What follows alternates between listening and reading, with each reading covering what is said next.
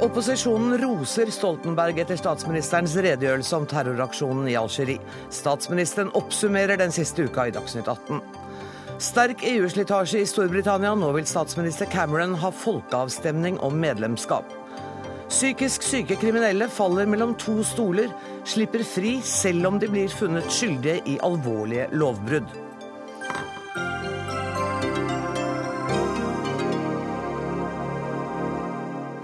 Dette er noen av sakene i Dagsnytt 18, der vi også skal bli nærmere kjent med kvinnen som er kalt Norges første feminist.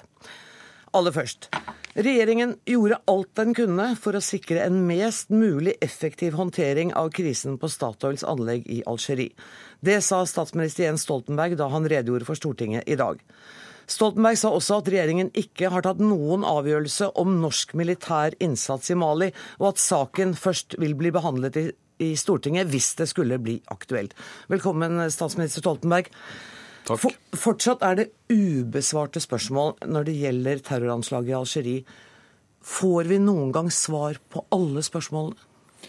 Vi får nok aldri svar på alle spørsmål, men jeg vil tro at vi får en eh, enda bedre oversikt enn det vi har i dag om hva som faktisk eh, skjedde.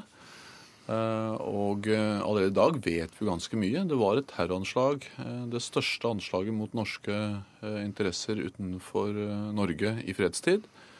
Og vi vet at mange mennesker har mistet livet, og mange mennesker er skadd, og enda flere har opplevd grusomme ting. Til, på Stortinget i dag så fikk du også forståelse fra opposisjonen om at det er, fortsatt er ting som dere ikke kan offentliggjøre. Av det du vet nå, som du ikke har fortalt. Kan du komme til å fortelle oss det? Det kan hende. Jeg ønsker jo å si mest mulig. Det er ikke sånn at vi ønsker å hemmeligholde ting. Men i eh, kamp mot terror, i beredskapsarbeid, så er det viktig at de som måtte planlegge nye aksjoner, enten i Norge eller i andre land, ikke får tilgang til alle tiltak, alle virkemidler, alle informasjonskanaler Norge og andre myndigheter har. For da kan de ta hensyn til det i sin planlegging. Og Spesielt mens aksjonen pågikk, var det i hvert fall eh, viktig å holde tilbake informasjon eh, om hvem som var blant de savnede, om eh, hva vi visste, og hva algeriske myndigheter visste. Fordi nettopp mangel på informasjon, det at terroristene vet minst mulig, svekker dem. Og de følger nøye med i mediebildet fordi de er opptatt av å få mest mulig informasjon. Og så handlet det også om at all informasjon som handlet om de som var berørt, de savnede, måtte vi få bekreftet og snakke med de pårørende om før vi gikk ut med det. Hvordan har denne siste uka vært? Det har vært en veldig spesiell uh, uke, fordi det har handlet om noe veldig alvorlig, nemlig menneskeliv. Uh, mennesker som er savnet, alle deres pårørende. Uh, men i tillegg til at det handlet om uskyldige mennesker som har mistet livet fra mange land, så har det også handlet om angrep på en væremåte, på en levemåte. Knapt noe annet land eh, i verden er mer avhengig av internasjonal handel, av investeringer på tvers av landegrenser, som Norge. Og vi har vært i alle år med skipsfart, med fiskeri og nå med energi.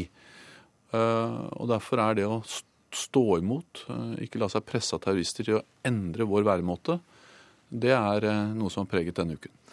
Og Det er også en av grunnene til at du har sagt at eh, den norske regjeringen vil samarbeide med den algeriske i kampen mot ekstrem islamisme. Ja, fordi... På hvilken måte skal dere gjøre det? Altså, først og fremst skal vi nå sette oss ned og uh, diskutere med dem hvordan vi kan ha uh, mer kontakt, mer samarbeid. Men det handler jo ikke bare om å samarbeide med myndighetene i Algerie, det handler om å samarbeide med mange land i kamp mot terrorisme. Det handler om utveksling av informasjon, etterretning. Det handler om å kunne se på uh, samarbeid i forhold til beredskap. Jeg har nevnt eh, spesielt eh, Storbritannia. Eh, BP og Statoil er to store oljeselskaper som ofte er sammen ute, samarbeider mye. Norge og Storbritannia er to nærstående land, og da er det naturlig at vi setter oss ned og diskuterer hva kan vi gjøre både for å informere hverandre, for å lære av hverandre, for å få bedre trusselbilder, men også for å kunne eventuelt utvikle samarbeid i forhold til beredskap. Vi så det i forhold til nå med medisinsk beredskap, evakuering, men også eventuelt bruk av spesialstyrker dersom det blir aktuelt i samordnede aksjoner, Norge og uh, Storbritannia, dersom uh, en situasjon kan gjøre det påkrevet. Og i Mali eh, kan jo det spørsmålet bli aktuelt eh, før man aner det. Og eh, det virket på meg som om opposisjonen var beroliget av det du sa i Stortinget i dag, om at det er ikke aktuelt nå, og dere kommer til å gå til Stortinget med en forespørsel. Vet du noe om når dette kan skje? Nei, ikke helt sikkert. og jeg tror Det er viktig å rydde opp et par-tre ting. Altså Det ene er at Frankrike har en stor militær operasjon der nede. Den skal Norge ikke delta i. Og Det andre er at det er en vestafrikansk eh, militæraksjon ledet av eh, afrikanerne selv. Det er viktig. Eh, det som har kommet opp som problemstilling, det er EU som har sagt at de ikke vil delta i kampoperasjoner. Ikke vil sende kampstyrker, men eventuelt vil jobbe med å lage en opplæringsenhet som skal lære opp, veilede bl.a. i i krigens rett og i, eh, og i stabsfunksjoner offiserer i Mali. Mm. Uh, og så er spørsmålet uh, kommet opp om vi skal bidra til den opplæringsenheten. Og det er noe ganske annet enn det vi gjør f.eks. i Afghanistan, eller det vi nå skal gjøre utenfor Adenbukta, der vi fra sommeren av sender en, eh, et, et, militært fartøy for å delta i kampen mot pirater og terrorister. Ok, Så det er ikke snakk om ordinære norske bakkestyrker i Mali? Nei, det har ikke vært eh, tema, og det er ikke det som er det som vurderes. Det som vurderes, er eventuell mulig deltakelse i den opplæringsenheten som EU arbeider med å få på plass. De har ikke bestemt innretningen på sin operasjon, hvilke land som skal delta. Men hvis, og det jeg tar forbehold om, det blir noen beslutning, men hvis vi skulle delta, så er det i den type opplæring. Mm. Så det er noe ganske annet uh, som vurderes i forhold til Mali, enn det vi f.eks. gjorde i Libya, gjør i Afghanistan, eller gjør med fregatt som kommer til Adenbukta uh, til sommeren. Og uansett så vil dette også bli lagt fram for Stortinget før vi eventuelt deltar. Selvsagt. Du, vi skal snart i Dagsnytt 18 snakke om EU, eh, og om at eh, statsminister Cameron nå har sagt at han vil at eh, Storbritannia skal ha en folkeavstemning om saken. Hva vil konsekvensen være, statsminister, for Norge hvis Storbritannia går ut? Det Cameron har sagt, er jo ikke at de har tenkt til å gå ut av EU. men han ønsker å... Det kan bli resultatet av en folkeavstemning? Ja, ja, han re, ja, det er sant, men han ville reforhandle avtalen og få en, eh, en løsere tilknytning. I hvert fall en mindre fullt integrert eh, løsning. Og han, det han gjorde, var at han var jo mot den norske løsningen. Da argumenterte han mot, som jeg mener er en løsning som vi lever godt med vår EØS-avtale. Eh, så jeg, Først og fremst så tror jeg vi skal legge til grunn at, EU, at Storbritannia ikke forlater EU. Hvis de forlater EU, så blir det et svekket EU. Og jeg tror i og for seg også som Barack Obama, som står utenfor EU, at eh, Europa er tjent med at man har et eh, sterkt EU, og at vi ikke bør bygge ned EU. Tusen takk for at du kom, statsminister Jens Stoltenberg. Takk.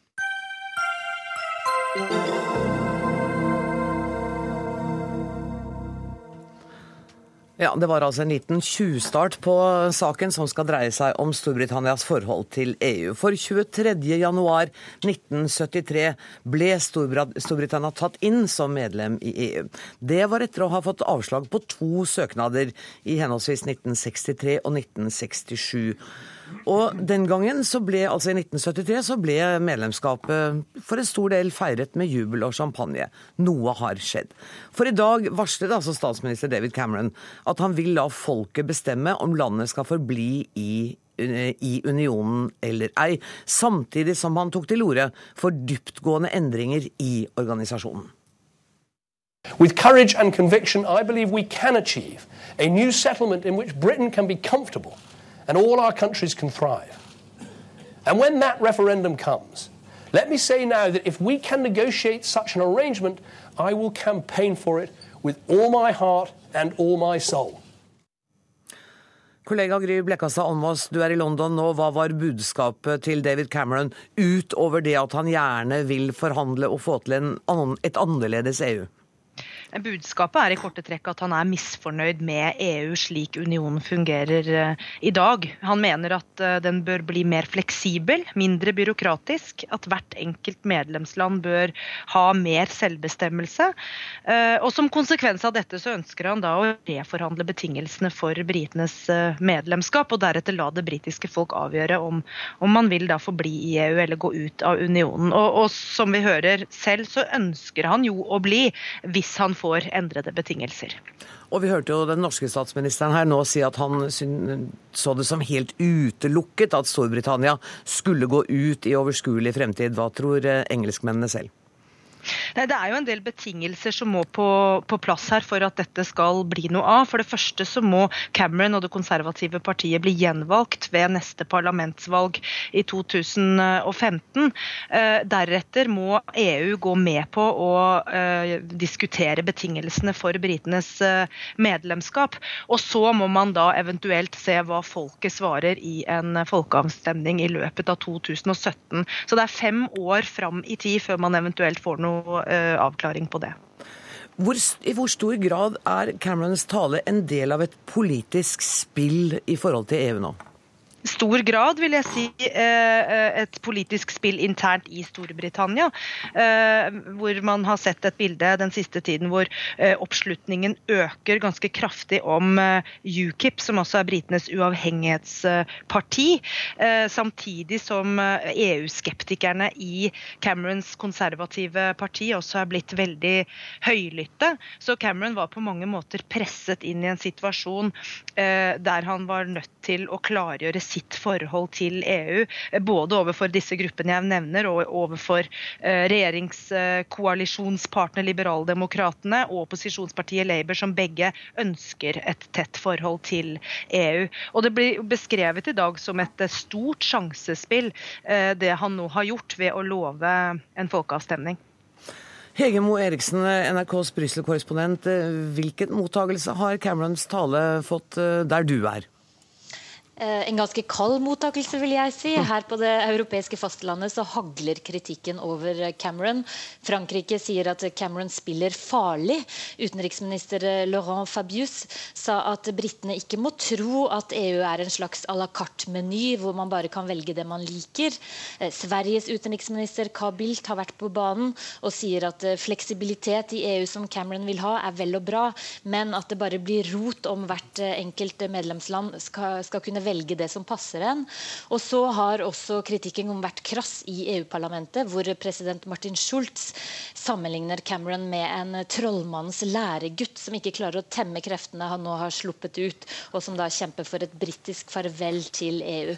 Og det er mange altså, som sammenligner Cameron eh, nå og det han har gjort med å slippe ut eh, ånden i lampen og Pandoras eske som nå er åpnet, og at man nå ikke aner hva slags plager Cameron har frigjort kreftene til, og hva som kommer til å skje i Europa. Så det er mange som mener at Cameron nå spiller veldig høyt.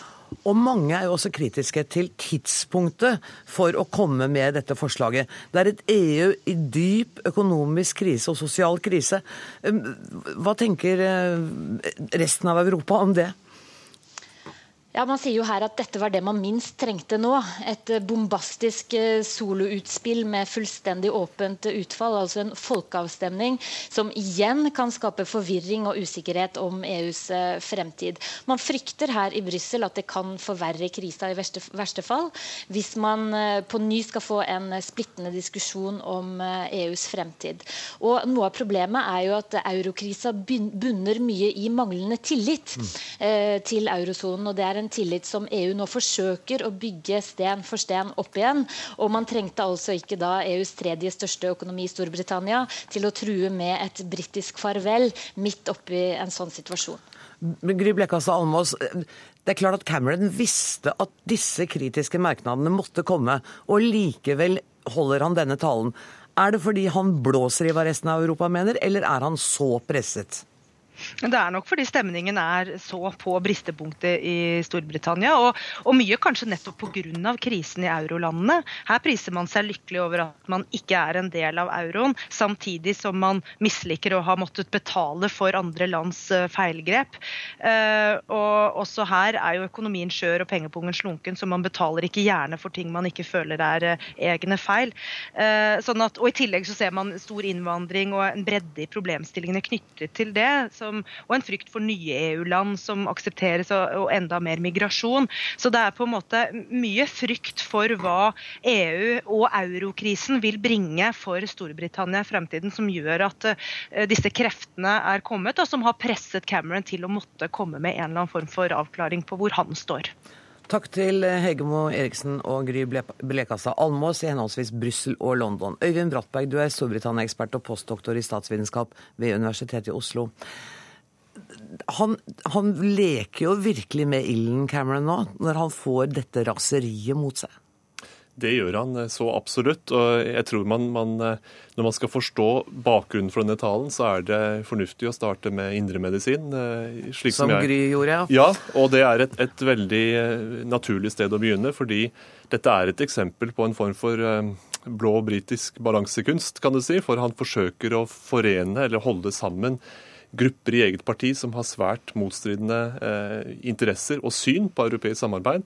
Og han har et, et, ønske om å holde denne flokken samlet inn i det neste valget ved å kunne si at eh, dette er min strategi, jeg skal forhandle, og til slutt skal velgerne avgjøre. Så dette kan vi samle partiet, partiet om. Og gjennom å gjøre det, så har han på et vis også løftet lokket av en trykkoker, fordi det har vært eh, så sterke underliggende strømninger i hans eget parti, og dette eh, presset fra, fra UKIP, som, eh, som, også er et hensyn her, at han nok følte at noe måtte gjøres. Si hva UKIP er for alle oss som ikke er helt orientert. Det er et, et uh, sterkt høyrevridd opposisjonsparti, opposisjonsparti mer enn én forstand. Det er ikke representert i, i, i, parlamentet i London. Derimot så er det robust representert i, det, i Europaparlamentet, og seiler opp som en kraftig rival på høyresiden for det konservative partiet. Først til europaparlamentsvalget, og dernest også ved å suge opp stemmer på høyresiden ved det neste britiske parlamentsvalget. Så ved å, å på en måte avvæpne denne EU-skeptiske fløyen, så håper Cameron også å fange opp en god del av denne høyresiden, som han ellers ville kunne frykte lekker til UKIP. Men tror Cameron selv på mulighetene for å forandre EU i den retningen han vil, og har han noe sterke kort på hånda? Han, eh, hva han tror på, er det mange som spør seg i Storbritannia også, fordi det er så mange skjær i sjøen før en slik eh, forhandlingsprosess kan føre fram til et gitt resultat som dernest kan stemmes over. Det avhenger av hans eh, partnere og av Storbritannias partnere i Europa, andre medlemsland, den tysk-franske aksen spesielt.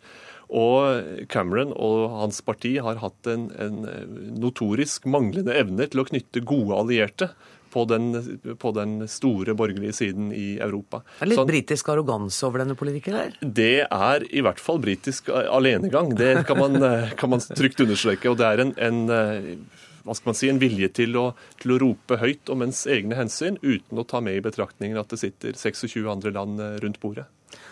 Er det sånn at statsminister Stoltenberg har litt rett i sin antagelse om at Storbritannia kommer til å fortsette å være en del av EU i overskuelig framtid? Det er i hvert fall et stykke fram til utmeldelse, til tross for all, all eh, halloien i dag. Og det har vært, vært, eh, skapt eh, høyere temperatur rundt dette enn det kanskje er, er grunn til. Målinger. Og vi bidrar til det her ved å snakke ja, om det? Ja, det gjør vi saktens. Men det er jo veldig lett å, bli, bli, å, la seg fyre opp også av en sånn tale. Det er jo en interessant situasjon å se hvordan både Labour og liberaldemokratene reagerer også. Begge to er, er imot denne nokså drastiske strategien som Eh, konservative legger opp til. Samtidig så ønsker man å snakke om muligheten for å endre, justere på relasjonen til EU, justere på, på effektiviteten i EU-samarbeidet, men likevel fortsette å være medlem. Så spørs det om man kan gå inn i neste valgkamp og si at man er imot en folkeavstemning. Det er i så fall en, en tøff strategi for, eh, for Labour å si at man er imot at folket skal få si sitt. Hvis det skjer, så inviterer jeg tilbake til Dagsnytt 18. Da kan vi snakke mer om det. Tusen takk for at du kom, eh, Øyvind Brattberg.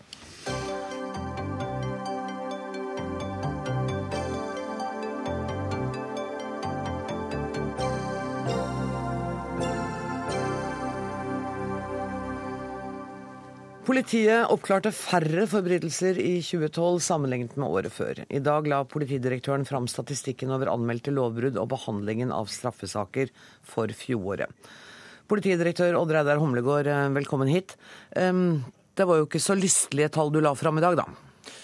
Vi syns på mange måter det var det. Eh, det Statistikken er... viser at det nesten ikke medfører risiko å være lommetyv i Norge. 1,5% av tyverier på offentlig sted blir oppklart. Det er riktig, og det forklarer også nedgangen i oppklaringsprosenten. Det er eh, for mange som utsettes for lommetyveri, særlig i Oslo. Det er jo først og fremst et storbyfenomen. Men eh, det vi gleder oss over, det er eh, den store reduksjonen i eh, innbrudd i bolig, som er på 30% i femårsperioden. Det har vært eh, et fokusområde for oss, og det har vi brukt mye ressurser på. Det har vært en nedgang i antall innbrudd. Det har ikke vært en økning i oppklaringsprosenten av innbrudd. Nei, den er for lav. Nå er jo det viktigste Og når det er gjelder nedgangen i antall innbrudd, så er det vel jeg og alle andre som passer bedre på boligene våre, som kan ta æren for det. Det er nok ikke så enkelt. Eh, Det er nok også slik at noen har gjort bedre sikringstiltak enn det man gjorde tidligere.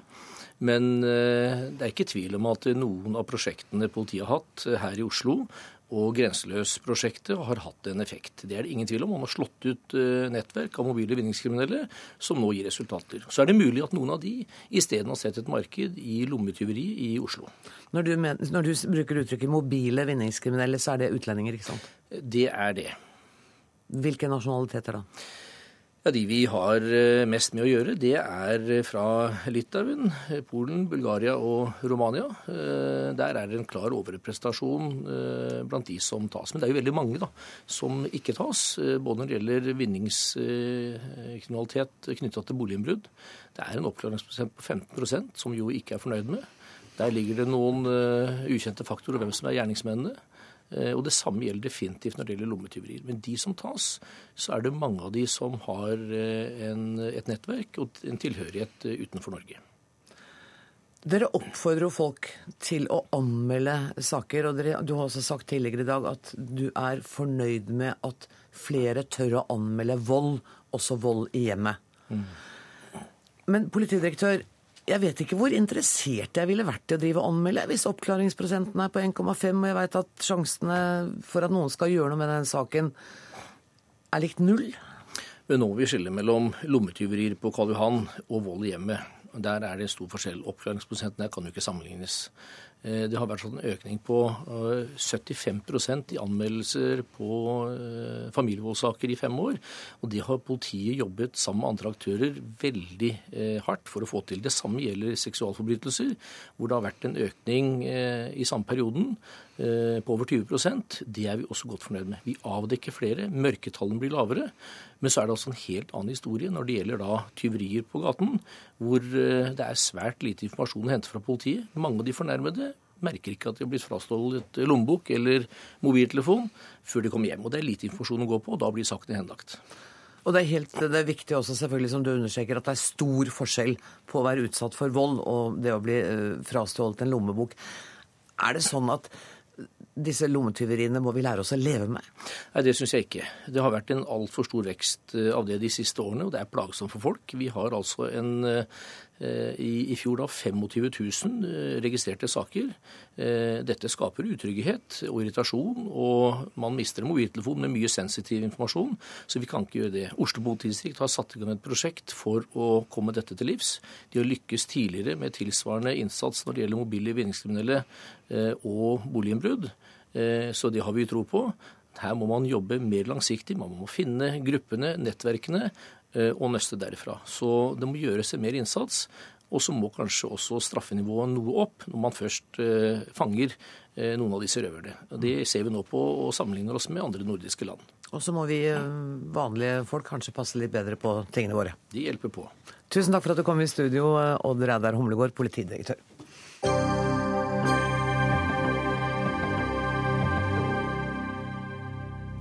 Innsatte i norske fengsler blir ofre for et seiglivet byråkrati når de ber om legehjelp. Slik bestemmelsen er i dag, må nemlig fengselslegene be kriminalomsorgen om en vurdering før den innsatte kan få legehjelp. Dette er brudd på menneskerettighetene, det mener du, Marte Rua, forsker ved Institutt for kriminologi og rettssosiologi. Hvordan bryter helsemyndighetene menneskerettighetene? Nå er det flere internasjonale konvensjoner og institusjoner som eh, stadfester at eh, fanger eller domfelte skal eh, ha lik rett på helsehjelp som alle oss andre. De skal tilbys det samme helsetilbudet som resten av befolkningen, og ikke underlegges en annen standard. Og I det ligger jo at dårligere helse eller helsetilbud ikke skal være en del av straffen i Norge. Sånn har vi hatt det og vært stadfestet siden 70-tallet i Norge.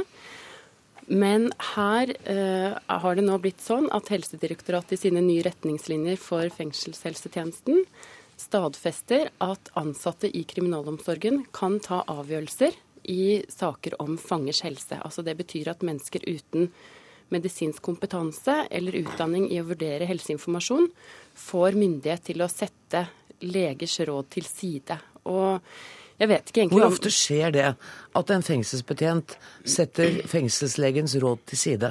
Nei, Dette gjelder i saker ved uenighet mellom fengselet og helsetjenesten. og Da vil det jo være fengselsledelsen som, som vil eh, som dette gjelder. Altså ikke hver enkelt betjent, men ledelsen i fengselet. Men hvor mange saker er det sånn stort sett i et år, f.eks.? Nei, dette er veldig veldig sjelden eh, at skjer. Og nettopp eh, det at det skjer så sjelden, har jo vært kritisert Altså har vært eh, begrunnet i, og også vist gjennom forskning jeg har gjort, at det handler også om at det er veldig uklare rammer for uenighet eh, mellom helseavdelingene og fengselsvesenet.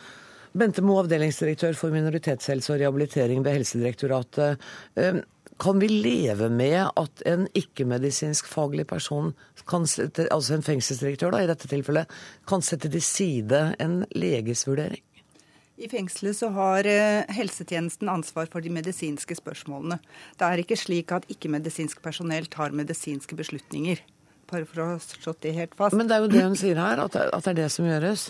Nei, det gjør, det er de medisinske beslutningene og anbefalingene er det legen som gjør. Så hva er det fengselsdirektøren kan gjøre? Fengselsdirektøren har et ansvar for å gjennomføre straffen etter straffegjennomføringsloven. Og Da må, vi opp, da må vi rydde opp litt, for da skjønner ikke jeg helt. Hva er det kritikken din går på? Altså Bakgrunnen for hele denne saken nå er at det var en konflikt i Tromsø fengsel Ja. for norsk. Ja, Det kan jeg kanskje forklare senere. Ja. Eh, Det dette handler om, er hvordan man håndterer eh, situasjoner der det oppstår uenighet mellom fengselshelsetjenesten og fengselets vurderinger av enkelte eller konkrete fanger. Og da betyr det ikke sant, at her er Konkret, det helt konkret. to, to ulike systemer møtes. Helsetjenesten skal, tilby, skal ivareta fangers helse. Kriminalomsorgen skal sørge for straffegjennomføringsloven eh, og, og gjennomføre straffen.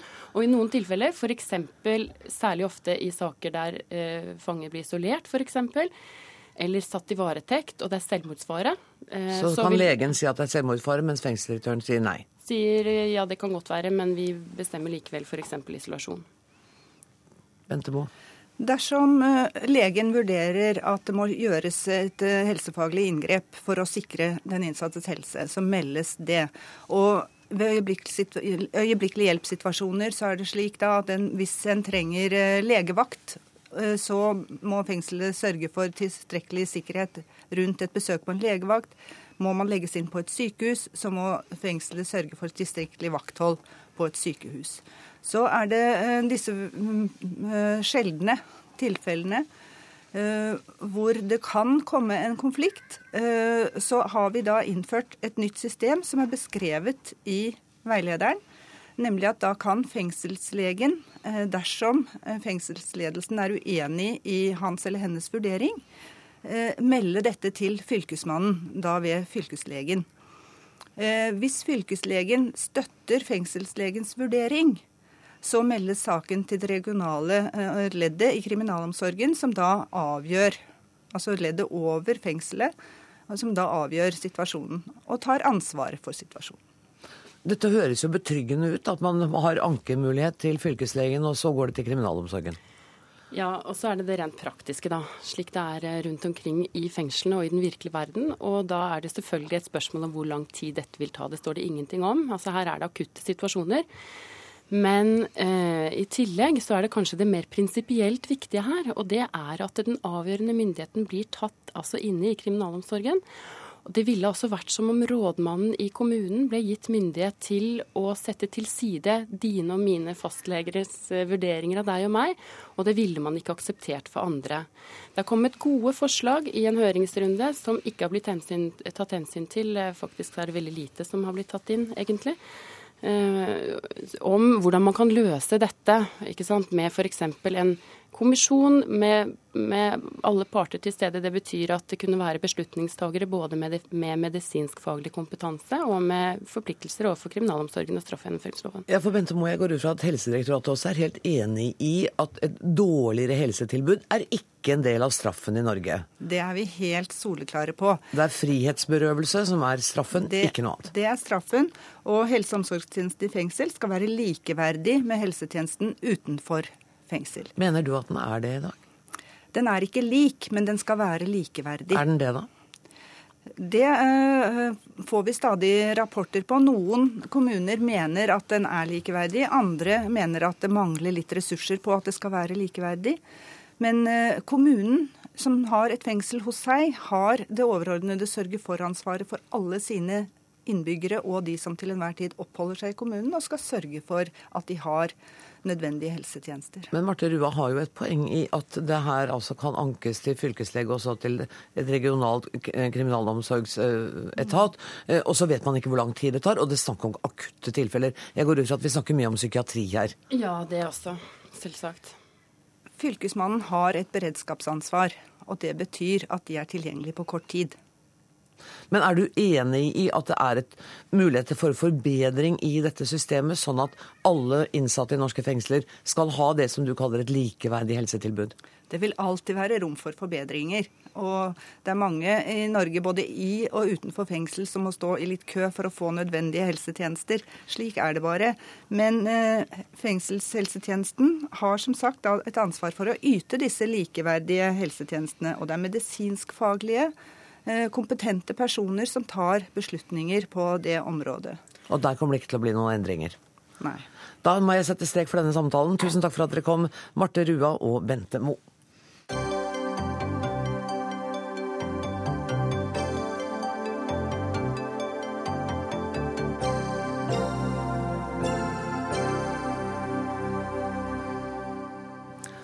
Litt senere i denne Dagsnytt 18-sendinga skal vi eh, høre at uh, det er bedrifter som ikke betaler inn den skatten de skal. Og vi skal også møte kvinnen som uh, for 200 år siden ble født eh, i dag. For 200 år siden ble Camilla Collett født, og hun er kalt for Norges første feminist. Men nå skal det igjen handle om straffedømte. For det er sånn at noen kriminelle ikke kan dømmes fordi de er utilregnelige. Eh, NRK har gjort en undersøkelse og funnet 23 personer som har drept, voldtatt og slått folk helseløse i løpet av de siste ti årene. Likevel har de sluppet fri fordi de er for syke til å sitte i fengsel, og de er for friske for tvungen psykisk helsevern. Statssekretær i Justisdepartementet Astrid Aas Hansen, dette må du nesten forklare oss. Ja, det er sånn at uh, Dagens straffelov uh, sier at du må ha skyldevne for å kunne dømmes. Og hvis du er psykisk syk, så er det i visse tilfeller en straffrihetsgrunn. Altså hvis du er psykotisk, er begrepet som uh, straffeloven bruker. Og så har en noen tilfeller hvor du, selv om du ikke kan straffes i straffelovens forstand, så kan du allikevel ilegges en reaksjon. Det er det vi kaller særreaksjonssystemet at du dømmes til tvungent psykisk helsevern eller tvungen omsorg. Men da må du ha begått eller forsøkt å begå alvorlige forbrytelser, og det må være fare for gjentagelse. Og da er det samfunnsvernet som begrunner at man da ilegges denne reaksjonen.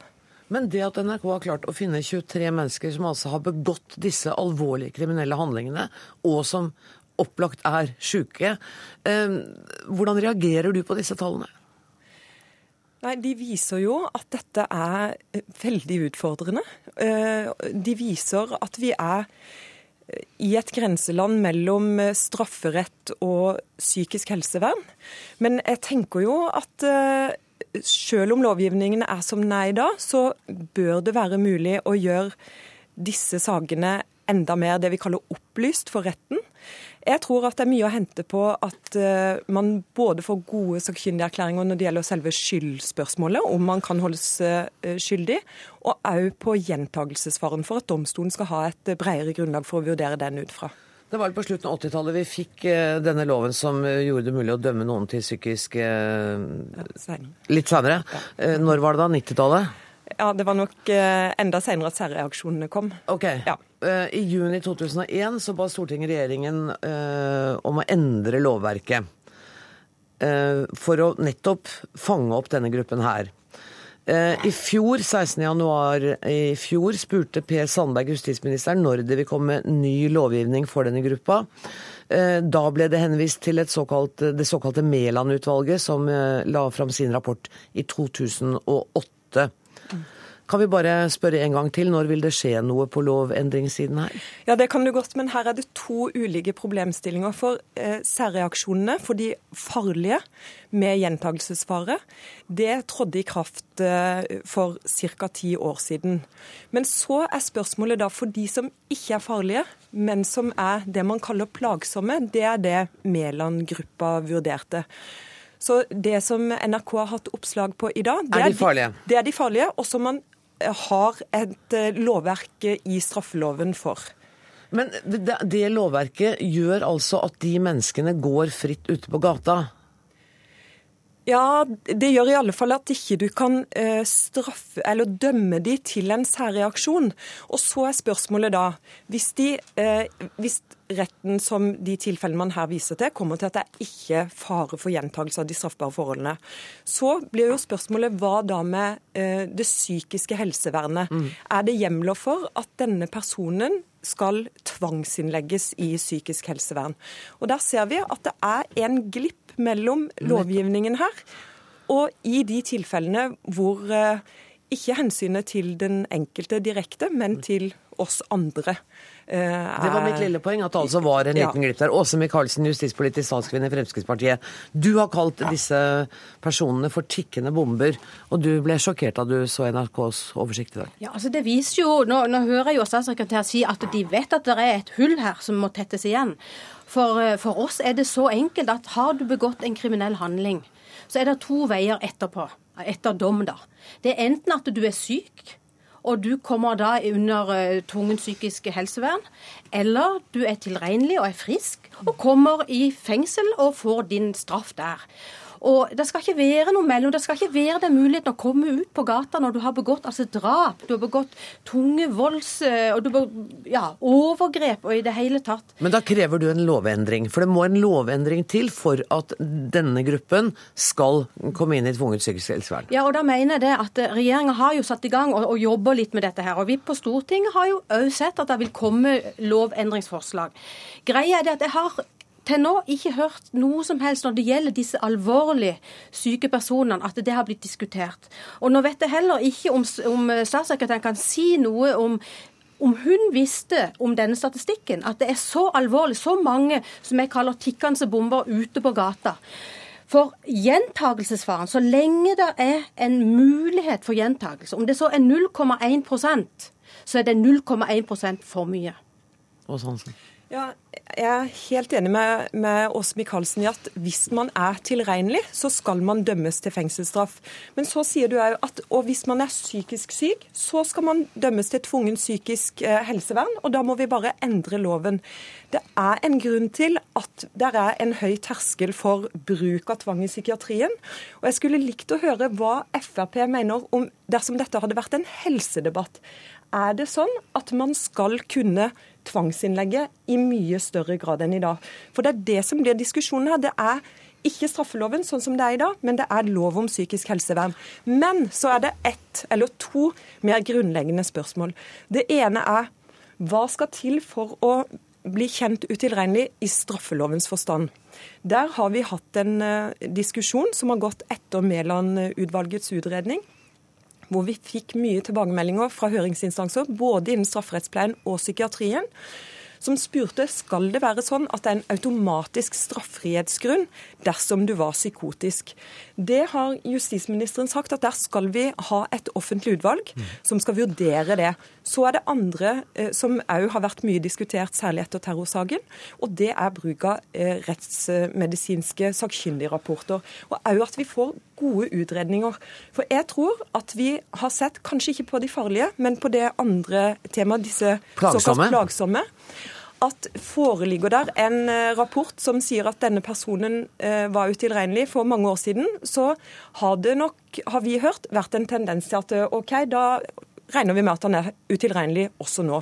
Så det må vi se på. Vi må få politiet til å bli flinkere, enda flinkere enn de er i dag, til å vurdere personens tilregnelighet her og nå, ikke bare belage seg på gamle rapporter. For du ser problemet for ofrene til disse 23 personene som NRK har funnet fram til? Ja, og Det var jo et spørsmål som Åse Michaelsen tok opp i Stortinget i dag. Nettopp. Eh, der er det sånn at en i strafferettspleien skiller mellom straffeprosessloven og straffeloven. Ja. Så en kan f.eks. varetektsfengsle personer som er eh, utilregnelige. En kan òg bruke andre tvangsmidler på dem, f.eks. besøksforbud.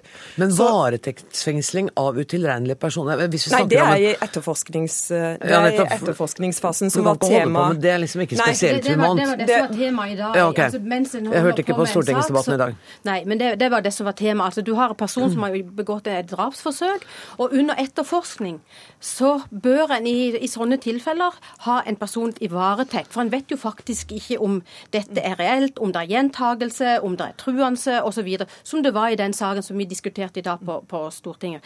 Men jeg vil tilbake til dette med hvordan folk, altså samfunnet der ute For det er jo klart at folk der ute forstår ikke at en person, selv om han var psykotisk, selv om han har et, et psykisk problem, kan slippe ut, rett ut på gata og ha begått et drap.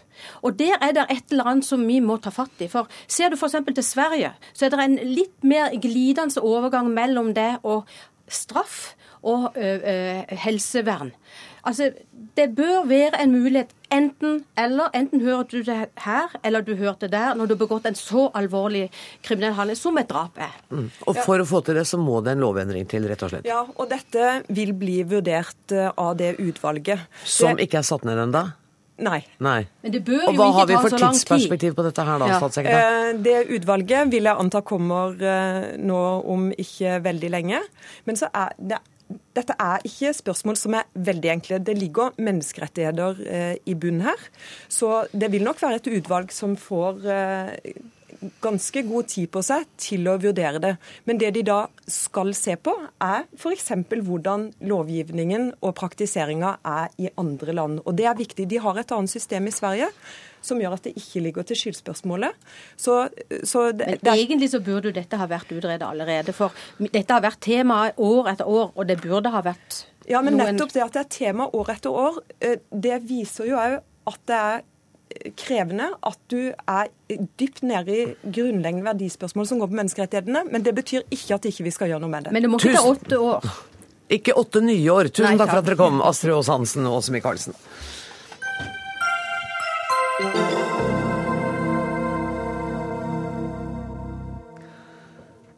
I Dagsnytt tidligere i dag hørte vi at eh, tall fra Skattedirektoratet viser at seks av ti bedrifter her i landet ikke betaler skatt. Noen skal ikke betale skatt fordi de ikke har et overskudd å skatte av, mens andre utnytter smutthull i loven for å slippe skatt. Statssekretær Roger Skjerva i Finansdepartementet. Skattedirektør Svein Christensen sier til NRK at omfanget av skatteunndragelser i Norge er bekymringsmessig høyt. Er du enig? Ja, eh, hver eneste krone som unndras i skatt er, bekymre, er grunn til å bekymres over. Men vi har ikke grunn til å tro at eh, vi har noe større problem med det i Norge enn andre land, kanskje tvert imot. Eh, men det tilsier ikke at vi skal ta det med ro. for eh, hvis alle hadde betalt skatten sin, så kunne vi opprettholdt det samme nivået på offentlige goder som vi har i dag, men med et lavere skatte- og avgiftsnivå. Mm, for vi snakker om totalt ca. 29 milliarder kroner, er det ikke det? Ja, det er forskjellige tall som brukes okay. her. Jeg tror ikke vi skal gå Jeg tror det kompliserer det, og, og, og, fordi det, skyldes mange ulike ting bak disse tallene. Og disse skatteunndragelsene er altså ikke kriminelle, det er ikke lovstridige. Det kan f.eks. være multinasjonale selskaper som fordi Norge er et høyskatteland, så utgiftsfører de så mye som mulig i Norge, og så inntektsfører de i lavskatteland. Bør det være sånn? Ja, Det er du rett i. Noe er jo kriminell virksomhet som, eh, som blir anmeldt og som eh, løser seg på den måten. Annet skyldes aggressiv skatteplanlegging, hvor Ja. man utnytter forskjeller med, i, i skattesystemer mellom land til å plassere inntekter der hvor det er lav skatt, og fradrag der hvor det er eh, høyt fradrag. Og det er lov. Ja, det er, det er lov eh, innenfor eh, dagens regler, men det er likevel ikke ønskelig. Eh, Og Ofte så kan det være gråsonen av hva som er lov, og det kan være definisjonsspørsmål hva som er lov. og Det som er viktig, er at vi har sterke internprisingsregler. Eh, Det er regler som, eh, som fastsetter hva som skal være en riktig pris internt i konserner når de overfører verdier internt til konsernet. Så er det ikke bare for dem å, å sette hvilken verdi de vil. Det må være verdier som er saklig godt begrunna. Er det for dårlige kontrollordninger, da? Ja, Vi har god kontroll, og det er derfor vi får avdekket så mye. Og du får de høye tallene som du får nå. Det er fordi at vi har hatt god kontroll som har avdekket dette. Ja, Du avdekker det, men du får jo ikke fem øre inn i kassa likevel. Noe av det får vi igjen, og noe må vi bare akseptere er likevel innenfor reglene. Men, men, men eh, det er viktig å ha sterke internprisningsregler som vi har, og høy kontrollaktivitet. For dette er selskaper med mye ressurser, og som er i stand til å, å sette mye inn på å argumentere for sin sak. Og da må skatteetaten være sterk tilbake. Finanspolitisk talsmann i Fremskrittspartiet, Ketil Solvik-Olsen. eh, Hvordan syns du man skal angripe dette problemet? For jeg går ut fra at du er enig i at skatteunndragelser av denne typen skal vi unngå? Ja, SV og Fremskrittspartiet er uenige om hvor høyt skattenivå vi trenger. Men jeg tror vi begge er skjønt enige om at den skatten som, er, eh, som skal betales, den skal alle betale. For dette handler om rettferdighet mellom aktører. Hvis noen selskap kan på en måte bli kvitt alle sine skatteforpliktelser ved å være kreative og bruke skattesystemet fullt ut, så skaper det en skeiv konkurransesituasjon i forhold til gjerne rent norske selskap som kun forholder seg til den norske stat, og som gjerne da får lavere margin fordi at mer av overskuddet går i skatt. Og Da vil de til slutt bli utkonkurrert av utenlandske selskap, eller de som tyr eh, skattereglene til det ytterste. Derfor er det viktig at vi ikke i denne debatten her ender opp med å kreve flere regler, sånn som SVs leder Audun Lysbakken gjorde på Politisk kvarter i morges. Jeg tror vi bør heller se på om vi kan ha færre regler, men tydeligere regler. Nettopp for at eh, det skal være eh, lettere å gå de i sømmene. At det skal være mindre behov for de absolutt beste skattejuristene for å klare å bruke alle smutthull som er. Enklere regler og et lavere skattenivå for selskapene. Et, skatt, et lavere skattenivå vil gjør at du får ikke den samme stimulansen som i dag til å flytte på overskuddet for å unndra det beskatning. fordi at hvis skattepresset er litt lavere i Norge, så forsvinner jo òg litt av gevinsten med å drive på med denne flyttingen her. Det høres jo fornuftig ut, Skjerva. Kunne dere tenkt dere å gå inn på en sånn ordning? Nei, vi må, vi må beskytte det norske skattegrunnlaget. Og, og det er et økende problem for alle land at multinasjonale selskaper har dette, denne muligheten. Derfor så må dette diskuteres internasjonalt. Det, dreier seg spesielt om eh, merkenavn. eh, Hvem, eh, hvor stor inntekt skal morselskapet eh, kunne kreve for, av, av det norske datterselskapet, f.eks. Coca-Cola, for, for, for, for å bruke det merkenavnet. Det må det internasjonalt samarbeid om. Men det er mye vi også kan gjøre nasjonalt, og finansministeren har allerede varsla Stortinget om at han vil vurdere mottiltak for å hindre at eh, fradrag eh, konsekvens eh, gjøres i Norge, mens inntekter gjøres i, i lavskatteland. Og Hva slags tiltak vil han sette i verk da? Nei, Vi ser jo våre naboland at der har man allerede satt i gang noen tiltak for å begrense muligheten til gjeldsfradrag internt i konsernene. Eh, Og det er tiltak som vi også eh, bør se på. Men Du sier at vi skal beskytte den norske skattemodellen. Men hvis halvparten av selskapene som er i Norge blåser i den og ikke betaler skatt, så vet jeg ikke hvor mye det er igjen å beskytte. Nei, Hvis vi skal beskytte det norske skattegrunnlaget, så må vi hele tida Det er ikke skattesystemet gitt en gang for alle. Vi må utvikle det hele tiden. Og Derfor så trengs det nye regler. Eh, Så du er enig med Solvik-Olsen? eh, Nei, Han sier at vi skal ha færre regler. Så da, Og da du- enklere? Jo, eh, gjerne så enkle som mulig. De må være så enkle som mulig, men så komplisert som nødvendig for å få inn eh, skatteinntektene. Og så må vi satse på kontroll. Eh, Og da hjelper det ikke, som Fremskrittspartiet gjør i sitt alternative budsjett, og kutter i skatteetaten med 500 millioner. Og det på tross av at vi har advart gang på gang at det vil bety at det vil eliminere så å si all kontrollvirksomhet i skatteetaten. Så store og så raske kutt. Jeg orker Så- ikke en ny så- budsjettdebatt, altså. Nei, må vi ikke, kan vi ikke holde oss til det vi Nei, snakker om om la nå? meg forklare Grunnen til at vi mener det er rom for å kutte i skatteetaten, er òg fordi at vi gjør en del forenklingsforslag som gjør at det er færre som vil betale formuesskatt, inntektsskatten blir redusert, og da vil du òg kunne gjøre de forenklingene. Men la meg, la meg bare minne om at Statsbudsjettet for 2013 tar en 140 milliarder kroner mer i skatte- og avgiftsinntekter enn for bare to år siden. Så det er altså en betydelig økning i skatte- og avgiftstrykket for, for folk flest og for bedrifter. Sånn at, Og der så var vi inne i budsjettdebatten. Nei, men, nei, poenget er at vi tar inn fryktelig mye mer eh, skattepenger nå enn for bare to år siden. Og Da kan vi diskutere om det er nivået riktig eller ikke, men, men det illustrerer samtidig at det tas inn mye penger her. Jeg tror ikke at eh, unndragelsesnivået er Altså det, det er for høyt når penger blir unndratt, men at det er skremmende høyt, det, det syns jeg ikke. Men f.eks. dette som en tok på, på gjeldsfradrag.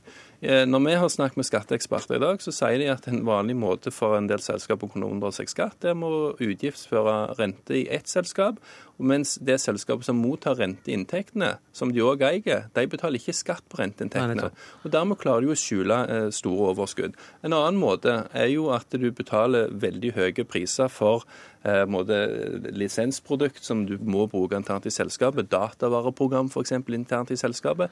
Og Da er det veldig viktig at skatteetaten har flinke folk som har erfaring, som kan dra de parallellene og ser at dette er jo en helt urimelig prising i forhold til hva markedet tar for dette normalt. Og, og Da må du ha de, de, gode folkene som gjør at du klarer å avsløre når folk jukser i systemet. Men bør mange av dem? Det er det du mener? Du må, det må ha, være gode, men vi jo, tenker så mange som er i dag. Du må ha en del folk av dem. Og det at du skal kutte i skatteetaten, betyr jo ikke at du automatisk skal gå på de som driver med økonomisk kriminalitet eller den type ting, men det er mye mer som kan automatiseres. Det er derfor vi mener vi skal kutte. Vi mener ikke vi skal kutte i den delen som faktisk går for å øke inntektene ved at du tar de som jukser systemet. De beste folka i skatteetaten, enklere regler og et noe lavere skattenivå. Helt utenkelig politikk for dere. Eh, nei, eh, det er det ikke. Men Fremskrittspartiet sier nå det motsatte av det han, sier, det han, sier, her. For Fremskrittspartiet har i alle sammenhenger vært en bremsekloss i dette arbeidet. For man får ikke mer kontroll av så store og så raske kutt i skatteetaten som Fremskrittspartiet foreslår. Eh, vi får ikke mer kontroll av å gå imot strengere internprisningsregler, som Fremskrittspartiet har gjort når vi har fremmet det i Stortinget. Uh, og man får, ja, men du, du, skaper et fiendebilde som ikke er riktig her. Og, og, vi må være, og vi må være villige til å vurdere nye forslag for å redusere gjeldsfradraget. Det skjønner jeg. Skal vi ha fiendebilder, så må fiendebildet være riktig. Ja, det, skal vi være fiender, så skal vi være på riktig grunnlag. Ja, synes, altså, her, vi er enige om veldig mye, og så sier jeg at det er jeg uenig i. Det er ikke så mye av det Roger Skjerva sier her i dag, men det er det som SVs leder sa i morges på Politisk kvarter, der han sier vi trenger flere regler. Og Jeg tror ikke flere regler løser dette, for dette handler jo om at folk bruker allerede de reglene som er i dag, som er svært kompliserte, og som du trenger godt betalte skattejurister for å forstå. Og Da er det bare de multinasjonale selskapene ofte som har nok kapital i bånn til å ha jurister som tjener 28-10 millioner kroner i året. Da, du, da har du en konkurransefordel i forhold til kjøpmannen på hjørnet. og og de små norske selskapene som konkurrerer i samme markedet, som ikke klarer å tilpasse seg disse skattereglene like godt, og som dermed taper penger relativt til de store utenlandske. Dere må jobbe videre med denne saken utenfor studiodøra. Tusen takk for at dere kom, Roger Skjerva og Ketil Solvik-Olsen.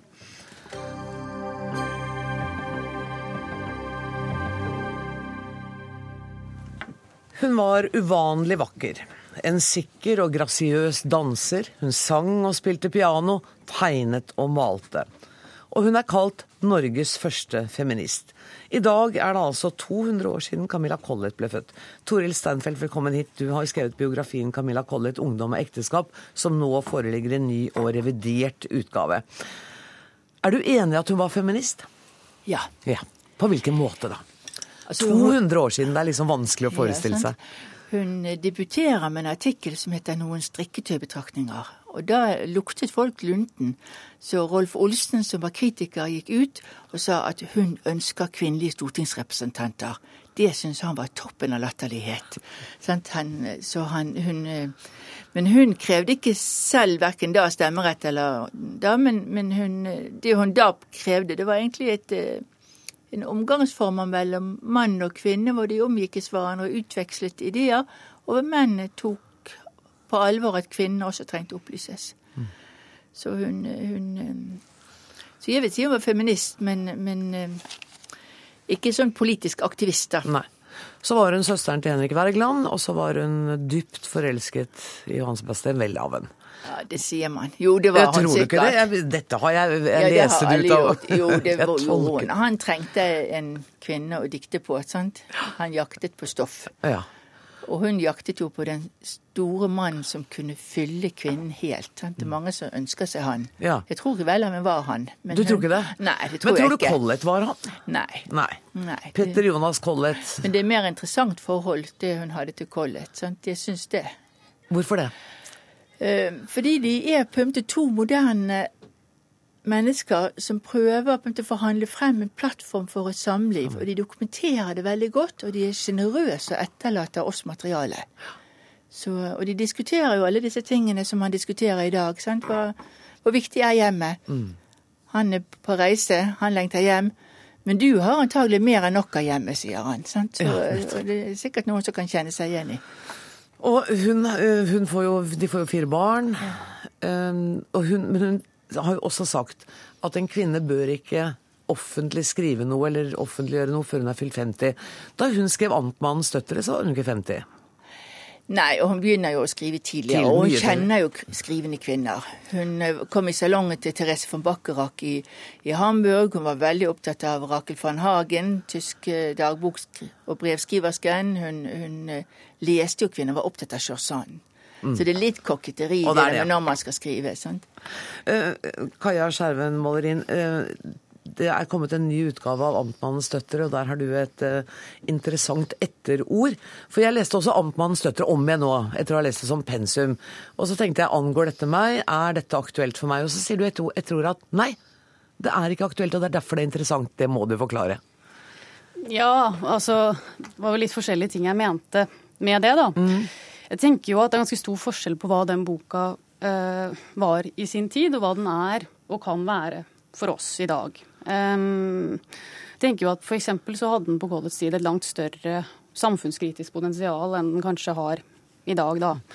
Em, men eh, det var vel også litt mer sånn kulturkritisk poeng eh, jeg hadde med, det, med den påstanden, da. Og det handlet vel mer om at, at jeg vel tenker at vi lever i en ganske sånn selvopptatt kultur. Eh, og at dynamikken, ikke minst i mediene, er litt sånn at kunst og litteratur fra en annen tid eller fra en annen kultur eh, bare er interessant nok eller aktuell nok hvis vi gjør den mest mulig lik oss selv. Um, og det er liksom som om man ikke helt vet hva man skal gjøre med fremmedheten. Um, eller at det ikke er godt nok at noe eh, bare har historisk verdi, f.eks.